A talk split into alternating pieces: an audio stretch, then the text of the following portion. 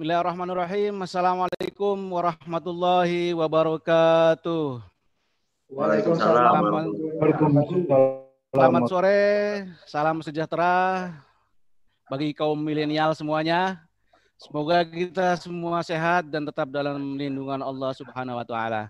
Pemirsa, di mana pun Anda berada, ini merupakan live streaming tiga koran nomor satu di Banten, Satelit News, Tangsel Post, dan Banten Post. Sebuah program baru transformasi media cetak ke dunia digital. Tayangan ini bisa Anda saksikan di channel YouTube Satelit News dan juga ulasannya bisa Anda nikmati di media cetak Satelit News Tangsel Post dan Banten Post edisi esok hari. Baik para pemirsa sekalian, dalam tayangan ini sekaligus dalam rangka menyambut HUT kemerdekaan RI yang ke-75, kita akan mengulas tentang arti kemerdekaan bagi kalangan pemuda milenial yang kami kemas dalam program Milenial Bicara seperti kita ketahui, pemuda memiliki peranan penting tidak hanya dalam merebut kemerdekaan, tapi juga berperan penting dalam mengisi kemerdekaan. Karena di tangan di tangan para pemuda itulah masa depan bangsa dipertaruhkan. Baik pemirsa, sudah hadir bersama kita Ketua KNPI Kota Tangerang, Kang Uwis Adi Darmawan. Yo ini merupakan komandannya pemuda di Kota Tangerang yang juga pernah uh, berpengalaman dalam dunia jurnalistik. Selamat sore, Assalamualaikum Kang Uis. Assalamualaikum warahmatullahi wabarakatuh. Selamat sore. Waalaikumsalam. Apa kabar? Sehat Kang Uis? Alhamdulillah sehat. Uh, ya, Kang Uis, uh, turut bersama kita adalah pemimpin redaksi Tangsel Pos, uh, Bang Ari Fowler. Salam Kang Uis. Assalamualaikum. Waalaikumsalam Kang Ari dan juga pemimpin redaksi Banten Pos, Bang Chandra Maga. Assalamualaikum warahmatullahi wabarakatuh, Kang Wis. Waalaikumsalam. kondisi sehat. Alhamdulillah. Baik, pemirsa sekalian di mana pun berada, eh, yang topik utama kita adalah membahas tentang pemuda dan kemerdekaan. Artinya kita akan membahas terkait dengan uh, kiprah pemuda dalam mengisi kemerdekaan, terutama generasi milenial. Uh, Bang uh, Kang Uis, uh, seperti apa sih gambarannya kiprah pemuda dalam mengisi kemerdekaan, terutama di Kota Tangerang ya? Apalagi sekarang dalam suasana COVID-19. Seperti apa kiprahnya di Kota Tangerang ini pemuda untuk pemberdayanya? Silakan Kang Uis. Ya, Assalamualaikum warahmatullahi wabarakatuh. Waalaikumsalam warahmatullahi wabarakatuh. Selamat sore buat uh, pembawa acara keluarga besar uh, Satelit News, Satelit uh, Tangsel Pos dan Banten Pos dan selamat sore juga untuk seluruh masyarakat Kota Tangerang khususnya dan Banten pada umumnya.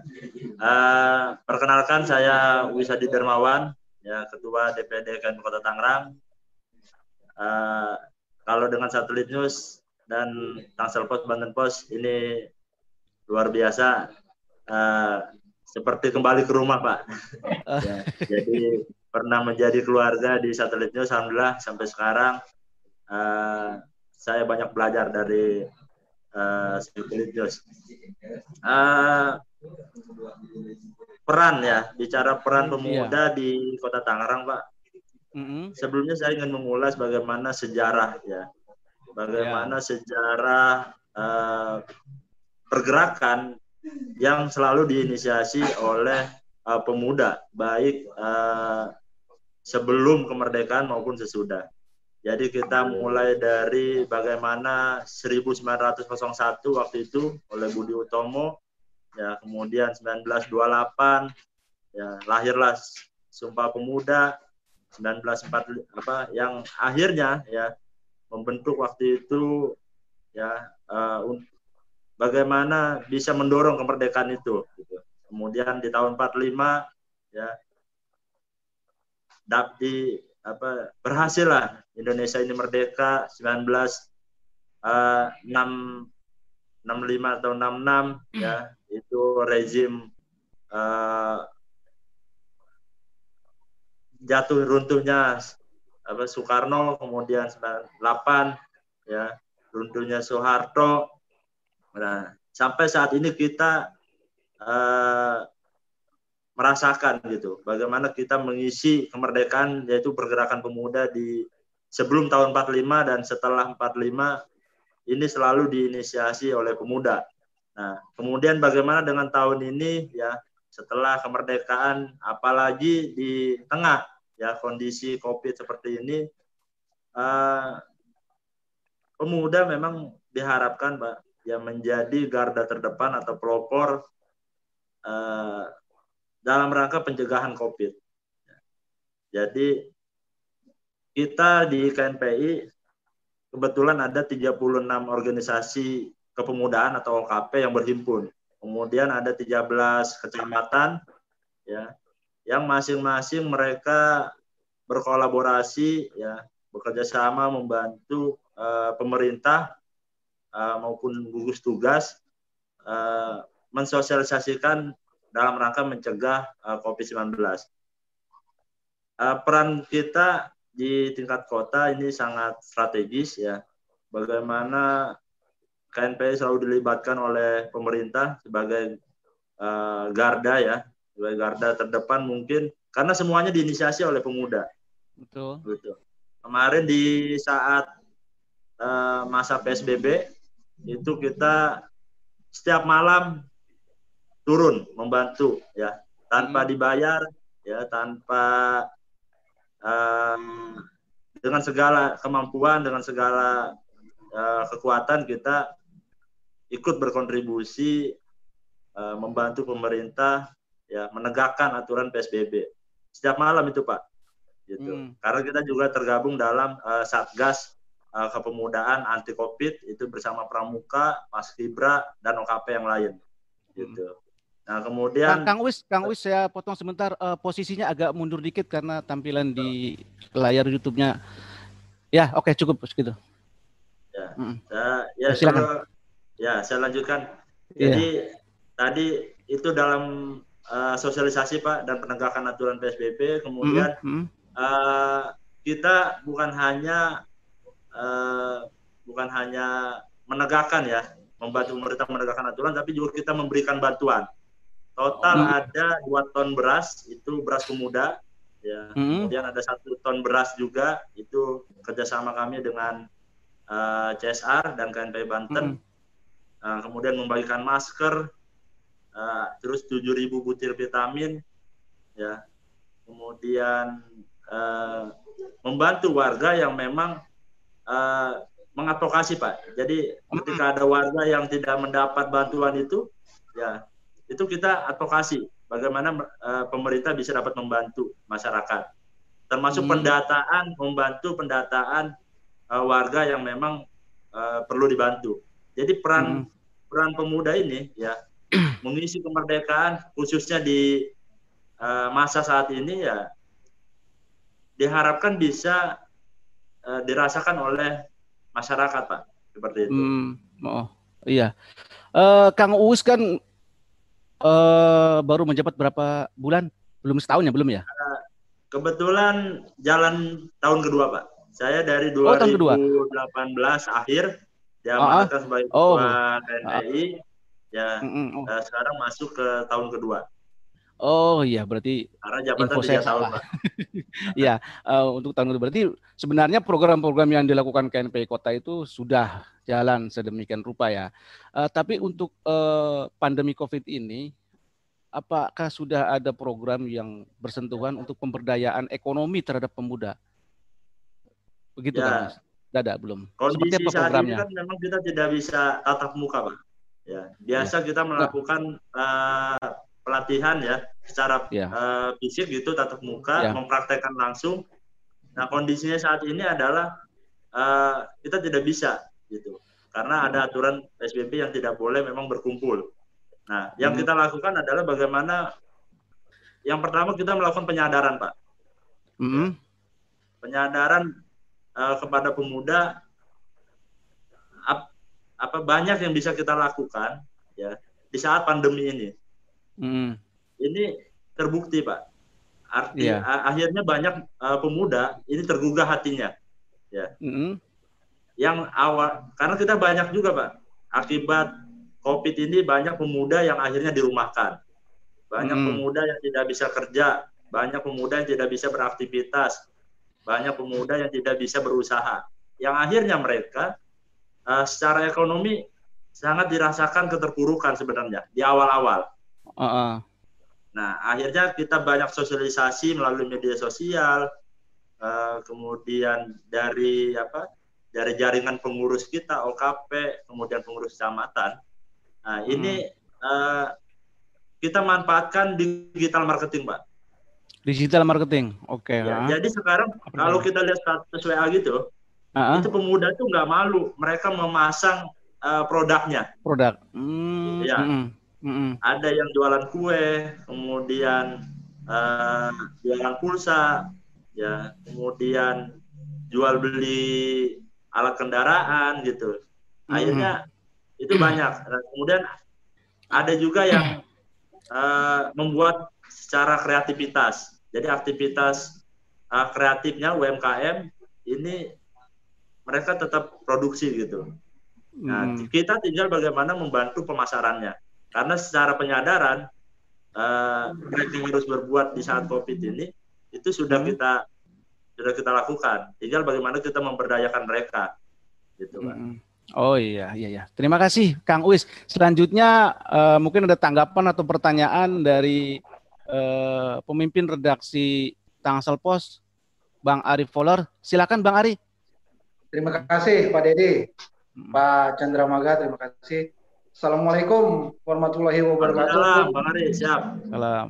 Eh, masyarakat Kota Tangerang pastinya mengapresiasi lah kegiatan NPI Kota Tangerang di bawah pimpinan Kang Uis ini di masa pandemi ini. Kita tahu bahwa KNPI Kota Tangerang itu door to door membagikan masker ke masyarakat, Mm. membagikan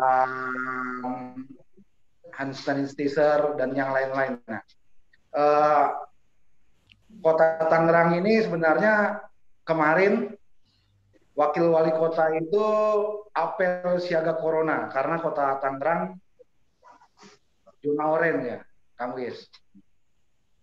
Zona oranye artinya dibutuhkan peran KMPI juga terus secara kontinu untuk sosial- sosialisasi kepada masyarakat tentang bahaya corona inilah. Jangan jangan hanya apa berpangku tangan dengan adanya pembagian sembako itu juga sebenarnya sudah sangat bagus ya mengadvokasi masyarakat yang tidak mendapatkan bantuan. Sebenarnya bantuan itu juga tidak merata kalau saya lihat ya. Ada yang kebagian, ada yang tidak. Ada yang terdata, ada yang tidak. Terima kasih sekali KNPI telah melakukan itu ya. Kita sangat apresiasi lah bahwa itu luar biasa sekali lah eh, kegiatan KNPI di masa pandemi ini. Pemuda mereka yang di PHK pastinya stres lah, galau. Ada yang Betul, gagal betul. nikah, Mm.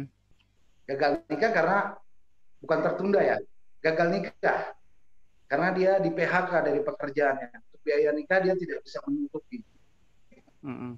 gagal.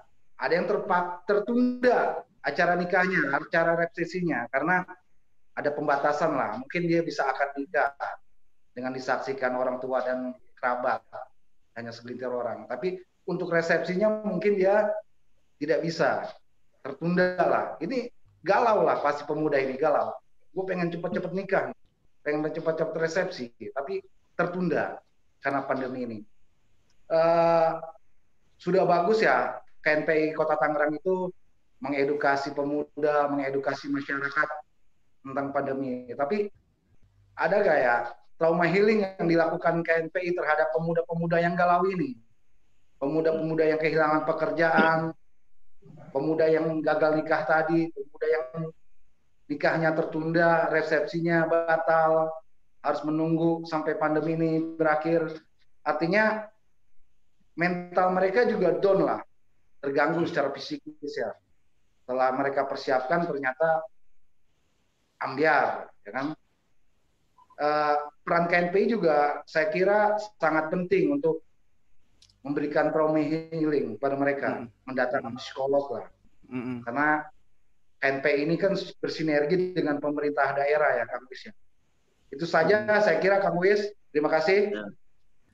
Ya. Makasih Bang Ali Silakan. atas eh, pertanyaannya. Jadi KNP ini eh, khususnya saya ini banyak sekali memang Bang, banyak sekali yang mengadu ya, yang menanyakan, yang meminta arahan gitu.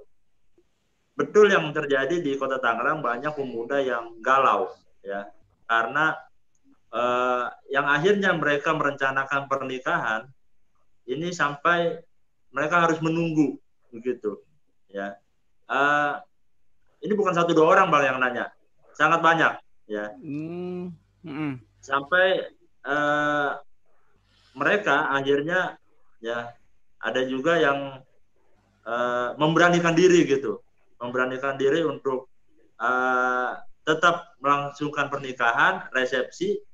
Namun karena ketakutan masyarakat juga akhirnya juga sepi juga. Ini kasihan juga gitu. Ada ada kejadian seperti itu. Mm.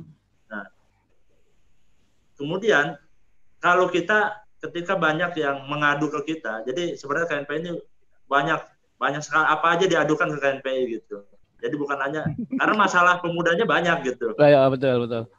nah karena jumlah pemudanya juga banyak kita ada sekitar 600 ribu pemuda pak di kota Tangerang Oh, mm-mm. itu uh, kisaran uh, umur 16 sampai 30 tahun betul betul. ya itu baru berkategoria umur ya. Nah, pertama yang kita sampaikan adalah mohon kesabaran, ya, mohon kesabaran eh, untuk teman-teman pemuda bisa menahan diri agar eh, tidak melangsungkan resepsi. Eh, walaupun pernikahan bisa saja terjadi gitu ya, karena memang sudah ada aturannya, ya cukup keluarga, ya ada yang melakukan itu, gitu dengan melakukan protokol kesehatan yang ya penggunaan masker, kemudian eh, cuci tangan, Jaga ya, jarak. sarung tangan gitu. Cuma jaga jarak doang pak, yang mungkin mereka tidak bisa terpisahkan. Ya. Susah ya. Itu sulit kayaknya. Dan bukan hanya eh, mereka yang melangsungkan pernikahan pak, tapi juga eh, yang punya usaha ya di kaitan dengan pernikahan. Contoh yang punya usaha tenda, Mm-mm. usaha eh, sound system, usaha Catering. organ tunggal, Betul tunggal. usaha catering, gitu. Mm-mm. Nah ini juga mereka mengadu ke kita, gitu. Karena nggak boleh kan, nggak boleh ada itu. Dan bayangkan dari bulan apa mereka stop gitu ya? Mm-mm. Mungkin dari bulan Februari ya, Februari Hmm. sampai sekarang itu udah udah enam bulan mereka eh, tidak ada aktivitas. Bahkan sampai saya mendengar itu ada tukang apa bukan tukang, ada pemain hiburan gitu, ya, pemain organ tunggal yang punya eh, nama gitu, bahkan sampai jualan gitu. Mm. Kemudian ju- ya artinya ada kepedulian kita ya. Kepedulian kita mungkin kita mengarahkan gitu ya. Eh, pernikahan tidak dilarang. Yang dilarang adalah resepsinya mengumpulkan banyak orang yang di mana kita memang harus mengutamakan eh, kesehatan Mm-mm. kesehatan eh, kita sendiri, kesehatan keluarga, kesehatan orang lain. Nah, ini yang ya mereka kadang jengkel, mereka kadang jengkel, mereka kadang eh, memaki-maki pemerintah dan sebagainya. Ya, cuma ya kita tahu dan saya beranggapan bahwa PSBB ini adalah memang salah satu eh, upaya atau ikhtiarnya pemerintah eh, dalam rangka mencegah gitu penyebaran COVID di 19 apa COVID COVID 19. Mm-mm. Yang ada PSBB aja mereka masih banyak yang melanggar.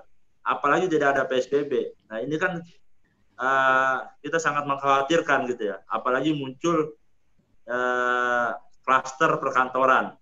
Mm-mm. Nah, ini eh, yang yang akhirnya kita juga tetap harus waspada, Pak. Gitu.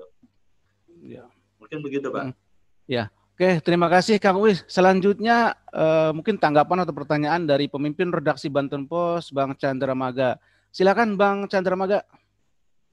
Iya, terima kasih Bang Dedi, Bang Ari. Selamat sore Bang Uwis. Selamat sore, Bang.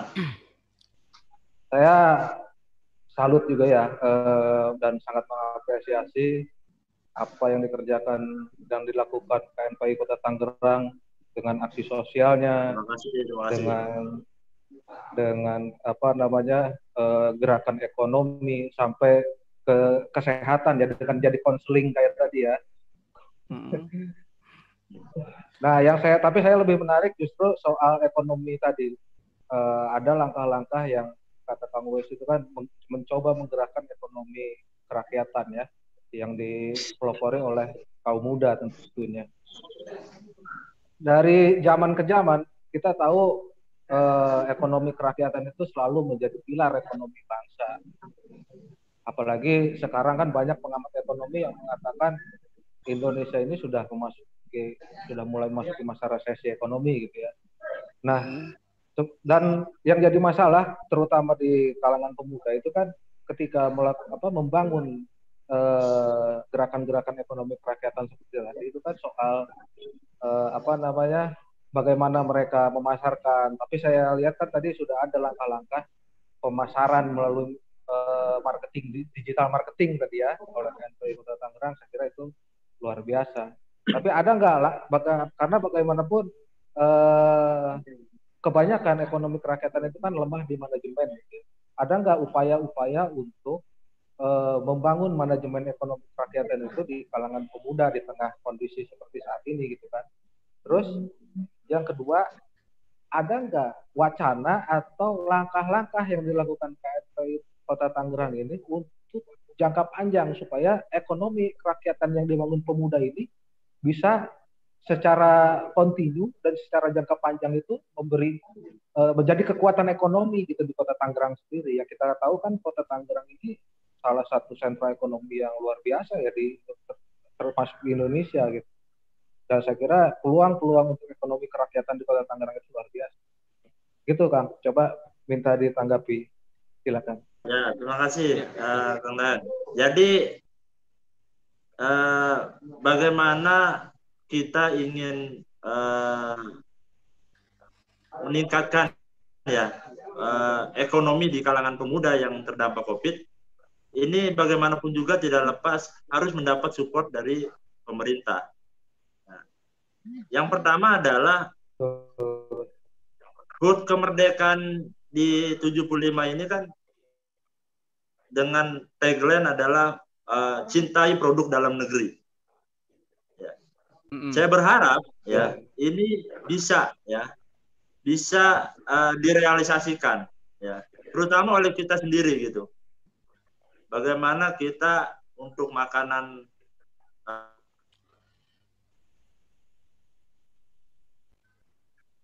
uh, untuk produk makanan ya ini bisa yang memang uh, mem- apa menjual gitu. Itu kita bisa beli ya. Kemudian di pemerintah juga uh, sudah memberikan surat edaran ya agar untuk makan minum para pejabat ini uh, menggunakan produk lokal. Ya.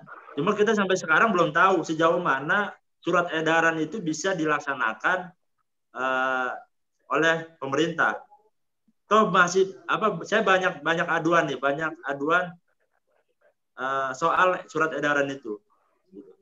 Mana nih uh, katanya uh, pemerintah uh, ingin mengangkat ekonomi ya dengan uh, mengguna apa namanya menggunakan atau memakai uh, atau memproduk dari lokal ini dong pasarkan punya apa punya kita dong dibeli. Nah, itu banyak gitu. Dari segi buah-buahan ya kemudian makanan kering ya.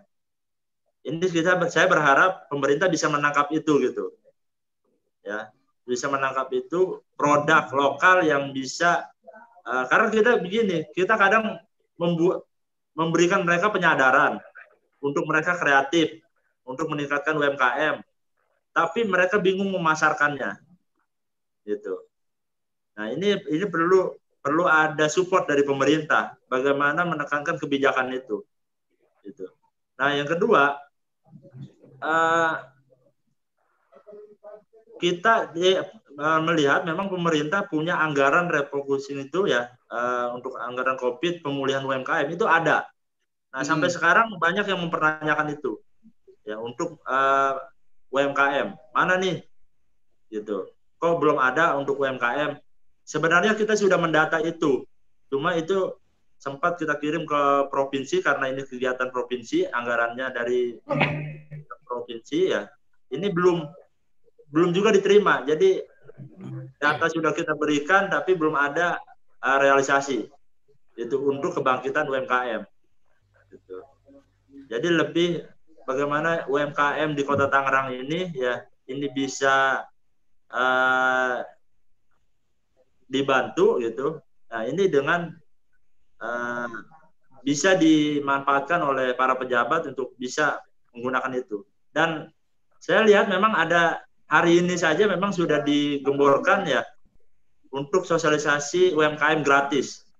Nah, jadi pemerintah kota ya ada salah satu akun resmi uh, pemerintah kota yang ayo bagi UMKM yang punya produk ini bisa dipasarkan apa bisa disosialisasikan ya itu bisa gitu. dan yang kita dorong juga adalah bagaimana ini ada sertifikasi halalnya ya hmm. ada uh, untuk PIRT-nya nah, ini juga kan banyak juga yang meminta dibantu oleh kita untuk uh, bisa ya mereka jadi uh, higienis gitu bisa aman dikonsumsi bisa dipercaya oleh masyarakat bahwa ini memang uh, produk yang layak untuk dikonsumsi gitu bang. Hmm, ya. Bang Chandra Maga masih ada yang perlu disampaikan? Atau menanggapi lagi? Saya kira cukup. cukup. Okay. Ya saya kira ini ya soal Wis. Gimana? Nah, gimana? Gimana? Ya berharap gitu ya, berharap mm-hmm. pada Kota Tangerang tentunya dengan langkah-langkah yang tadi bisa bisa diteruskan, bisa bisa menyatukan kelompok potensi-potensi ekonomi itu menjadi satu kekuatan ekonomi yang digerakkan oleh pemuda untuk cara jangka panjang gitu supaya untuk kemajuan pemuda itu sendiri dan tentunya akan memberi kontribusi pada pembangunan ekonomi di Kota Tangerang gitu, dan Provinsi Banten pada umumnya. Saya kira begitu Kang Deddy. Ya, siap ba Bang Chandra Maga, terima kasih. Uh, Bang Uis, Kang Uis, Uh, kemarin saya sempat lihat ya heboh banget itu di jagat dunia maya bagi status WA segala macam uh, soal apa ya orang-orang pada menanggapi KNPI kok ikut-ikutan dalam uh, statement terkait dengan persoalan tanah. Sebenarnya ceritanya seperti apa sih dan kronologisnya atau klarifikasinya kayak gimana sebenarnya itu? Ya, jadi begini Pak. Uh, KNPI kan dalam fungsi apa sebelum merupakan wadah, wadah perjuangan pergerakan ya dalam rangka mm. menyuarakan aspirasi pemuda. Nah, urusannya mm -hmm. ngurusin pemuda. Urusan pemuda yeah. ini kan semua urusan ya. Yeah. Ini menyangkut dengan pemuda. Begitu. Mm -hmm. Mm -hmm. Ya. Bagaimana kemarin terjadi uh, sengketa tanah di Pinang gitu ya. Ada dua hmm. kali. Yang pertama sengketa dan apa kelompok dengan kelompok ya atau individu dengan individu yang melibatkan kelompok. Kemudian yang kedua ya oh. uh, kalau yang pertama permasalahannya adalah masalah uh, ada ada kepemilikan yang memang belum jelas ya, mm -hmm. tapi sudah diputuskan pengadilan. Yang kedua adalah perkara karena masyarakat belum dibayar kemudian sudah digusur oleh pengadilan. Yeah. Nah, hmm. yang kedua itu yang proyek jor ya? Ya, ya betul. Hmm. Saya rasa hmm. begini Pak, KNPI hmm. uh, dituntut untuk uh, berkontribusi dalam setiap hal, ya, hmm. untuk kemajuan bangsa dan negara. KNPI juga harus hadir di setiap permasalahan di mana rakyat membutuhkan atau masyarakat membutuhkan. Ya. Mm. Kemudian kita juga mempunyai peran bagaimana memberikan masukan, ya, memberikan mm. saran, ya. Mm. Jadi jangan pun urusan urusan tanah gitu, mm. urusan lain apa mungkin kucing kelindes mati aja mungkin ketika ada kita itu jadi urusan kita gitu pak ya apalagi urusan tanah yang di mana gitu ya kita lihat hmm. kemarin antar kelompok itu itu kalau saya lihat semuanya apa mungkin mayoritas adalah pemuda nah hmm. saya tidak ingin pemuda ini saling bentrokan oh, oh, oh. Ya. kemudian juga ada masyarakat yang akhirnya resah hmm. ya.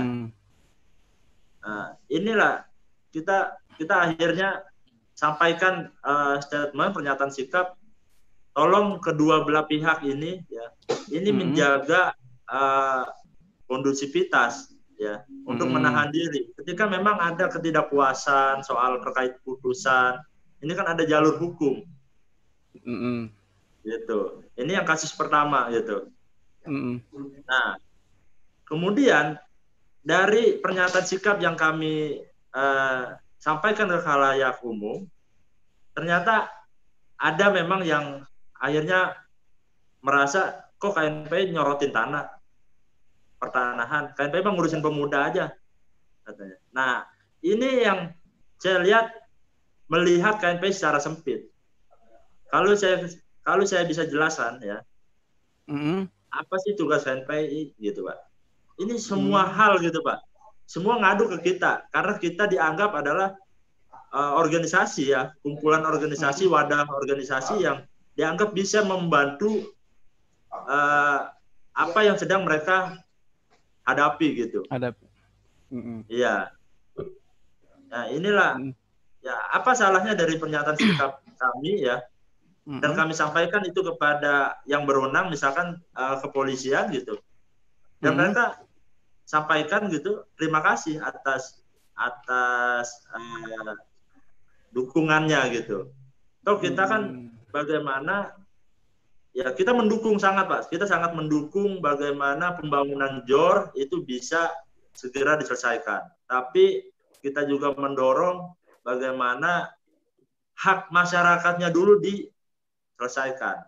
Diselesaikan. Hmm. Jadi begini Pak, jangan sampai oh, kita uh, orang melihat kita diam ketika ada uh, sebuah penindasan kepada masyarakat ya. Jadi mm. ya inilah yang saya mungkin menyangkut tema sore tema, tema kita sore hari ini ya Pak. Iya iya. Pemuda dan kemerdekaan. Nah, pemuda uh -uh. yang merdeka merdeka secara apa? Ya, secara mm. fisik mungkin kita tidak lagi mengalami penjajahan. Yeah. Ya mungkin dari zaman Belanda, Jepang gitu kan. Tapi secara pemikiran. Nah ini kan pemi sebuah pemikiran pemuda yang sebenarnya ini bisa menjadi penengah. Bisa diharapkan menjadi solusi. Bisa dimintai kontribusinya ya terhadap suatu persoalan. Mm -hmm. Gitu. Dan yang kita sampaikan adalah itu kan mungkin bisa dijadikan uh, solusi gitu, Pak. Mm -hmm. Karena yang kita sampaikan adalah eh, hal-hal uh, yang memang berkaitan dengan dengan uh, kepentingan ya secara umum gitu ya kondisi yeah, yeah. masyarakat ya. Mm -hmm, mm -hmm. Nah, jangan sampai ini pola pikir pemuda malah dibatasi gitu. Mm -hmm. Orang mau menyatakan sikap, orang mau berpikir uh, di dihalang-halangi gitu itu. Ini yang kadang saya ya memaklumi lah karena memang biasanya ada pro kontra uh, dari setiap uh, persoalan gitu pak. Iya. Oke terima kasih Kang Wis Bang Ari Bang Ari masih ada yang perlu disampaikan? Ada. Kalau hmm. tadi Kang Wis cerita bahwa banyak masyarakat mengadu ke KNPI saya juga akan mengadu nih ke, ke Kang Wis langsung Tentunya bukan soal urusan tanah, uh, soal potensi pemuda di era kemerdekaan ini ya. Di Kecamatan Ciledug itu banyak potensi pemuda. Salah satunya di bidang olahraga, Kang. Di situ ada yang mereka jago main poli, jago sepak bola, jago bulu tangkis, macam-macam lah. Mereka latihan rutin. Sepak bola latihan rutin lah, sparring dengan di mana. Poli juga latihan lah. Ada beberapa klub lah di kelurahan-kelurahan itu, di kelurahan yang di Kecamatan Ciledug. Hanya saja mereka ini jenuh. Gue ini latihan terus. Kapan gue bertandingnya? Mereka membutuhkan sarana lah, sebuah turnamen, sebuah event. Bisa saja itu memperebutkan piala KNPI Kota Tangerang, bisa saja. KNPI sebagai mitra pemerintah daerah tentunya bisa lah menyalurkan aspirasi pemuda di Kecamatan Ciledug ini. Adalah sebuah turnamen, misalnya KNPI bekerja sama dengan Dispora turnamen sepak bola. Ini murni bukan Tarkam, bukan Tarkam. Kalau Tarkam mungkin pemainnya dari luar. Ini pemainnya murni dari kelurahan-kelurahan yang ada di Kecamatan Ciledug. Polri juga begitu. Pemainnya murni. Murni mereka yang berKTP Ciledug, berKTP di kelurahan situ, tinggal di situ, bukan Tarkam. Artinya hmm. dari turnamen ini bisa kita dapatkan atlet-atlet potensial yang nantinya bisa membela kota Tangerang di ajang-ajang daerah lah, di Popda, di Porpop, bahkan di PON. Itu saya rasa Kang Wis. Silakan, Kang Wis. Ya. Makasih Bang Ari. Uh, mm -hmm. Jadi memang kita sangat peduli ya, sangat peduli uh, terhadap uh, olahraga gitu. Jadi uh, memang sampai saat ini lapangan olahraga gitu ya, yang pemerintah memang sampai saat ini belum dibuka. Nah ini mudah-mudahan juga uh, bisa segera mulai dibuka ya, agar mereka yang ingin berlatih, mereka yang ingin uh, ini karena kita juga kan akan menghadapi nanti kan uh, pekan olahraga gitu. Nah ini kita sarankan nanti agar dibuka. Kemudian yang kedua bagaimana ini potensinya kok kita latihan doang ber, bertanding tidak gitu kan nah eh, kita sebenarnya ada program POP Pekan Olahraga Pemuda. Pekan Olahraga Pemuda ini sempat kita lombakan tiga cabang waktu itu ada catur ada futsal ada badminton nah ini yang setiap tahun kita uh, adakan dan nanti ini akan digelar di Hari Sumpah Pemuda gitu.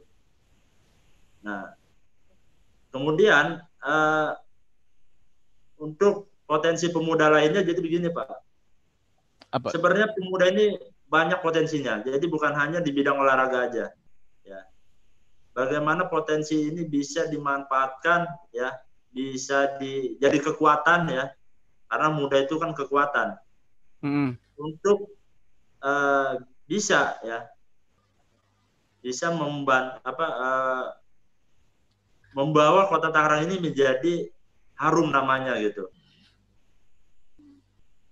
Nah, uniknya gini Pak, jadi uh, banyak banyak mereka yang uh, pemuda ini ketika mengadu gitu ya, hmm.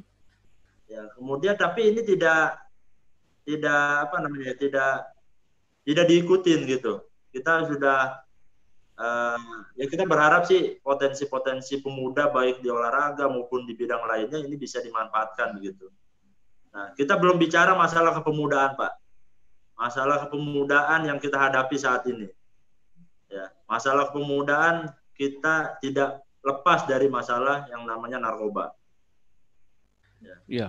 narkoba kita tahu memang di kota Tangerang ini masuk zona merah pak. Ya. Kita ada bandara, kita ada jalur darat, tol, kita lapas terbanyak se Indonesia ada di Tangerang jumlahnya. Ya. Kemudian uh, pintu mau ke Pulau Sumatera lewat Tangerang, ya. ini angkanya naik terus pak. Dari 2018 ke 2019 ini naik.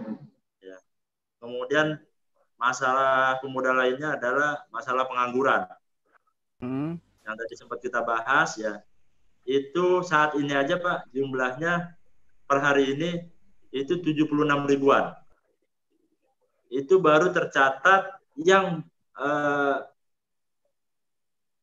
dilihat dari kartu kuning, ya, kartu pencari kerja.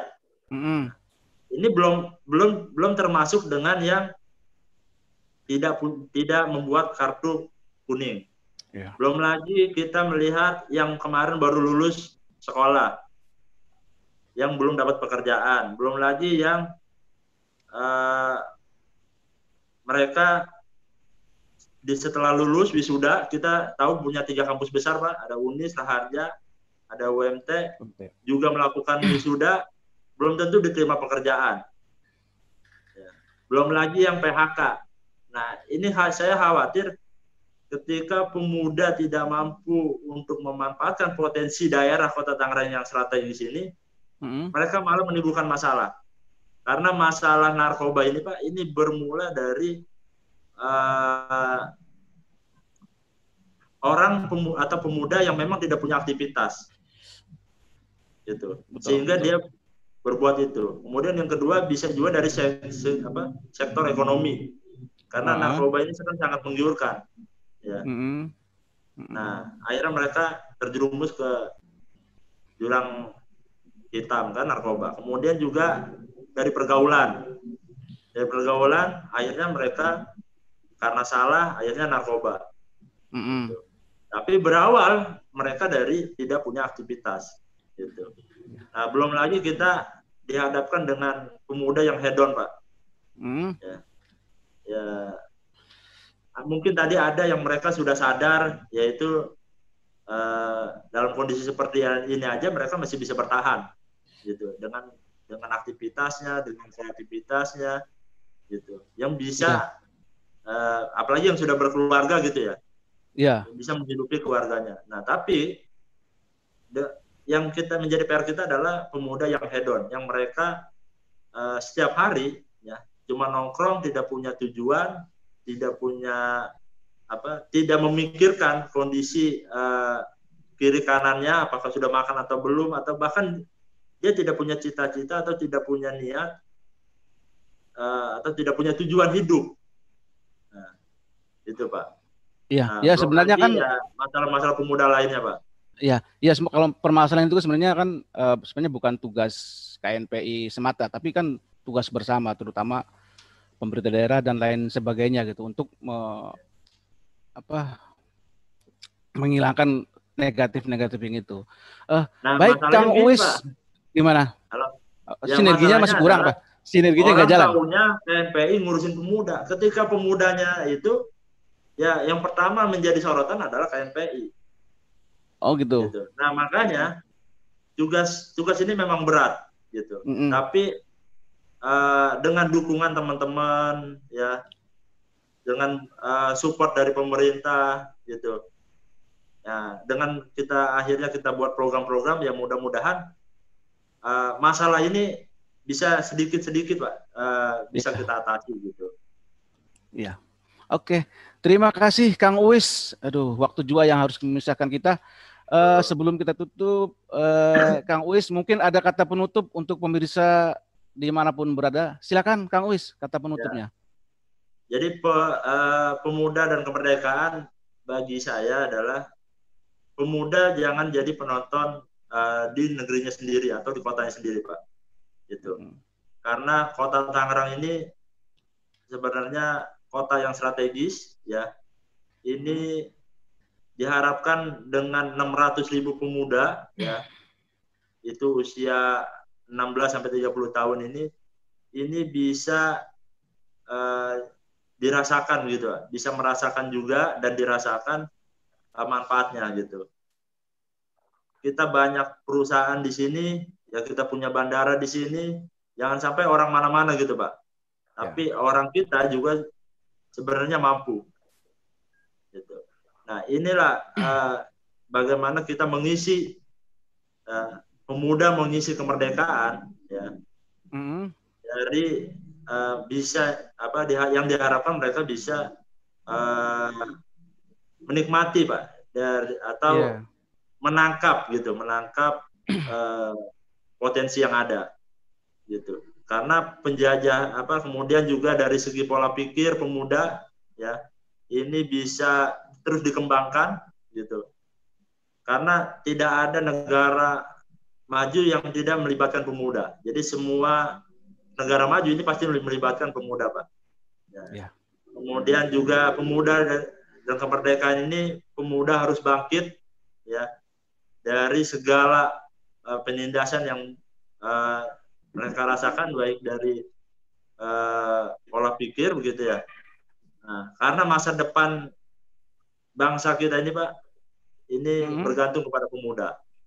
Kita hmm. nantinya akan menghadapi bonus demografi ya. Nah, ini apakah akan menjadi peluang atau tantangan?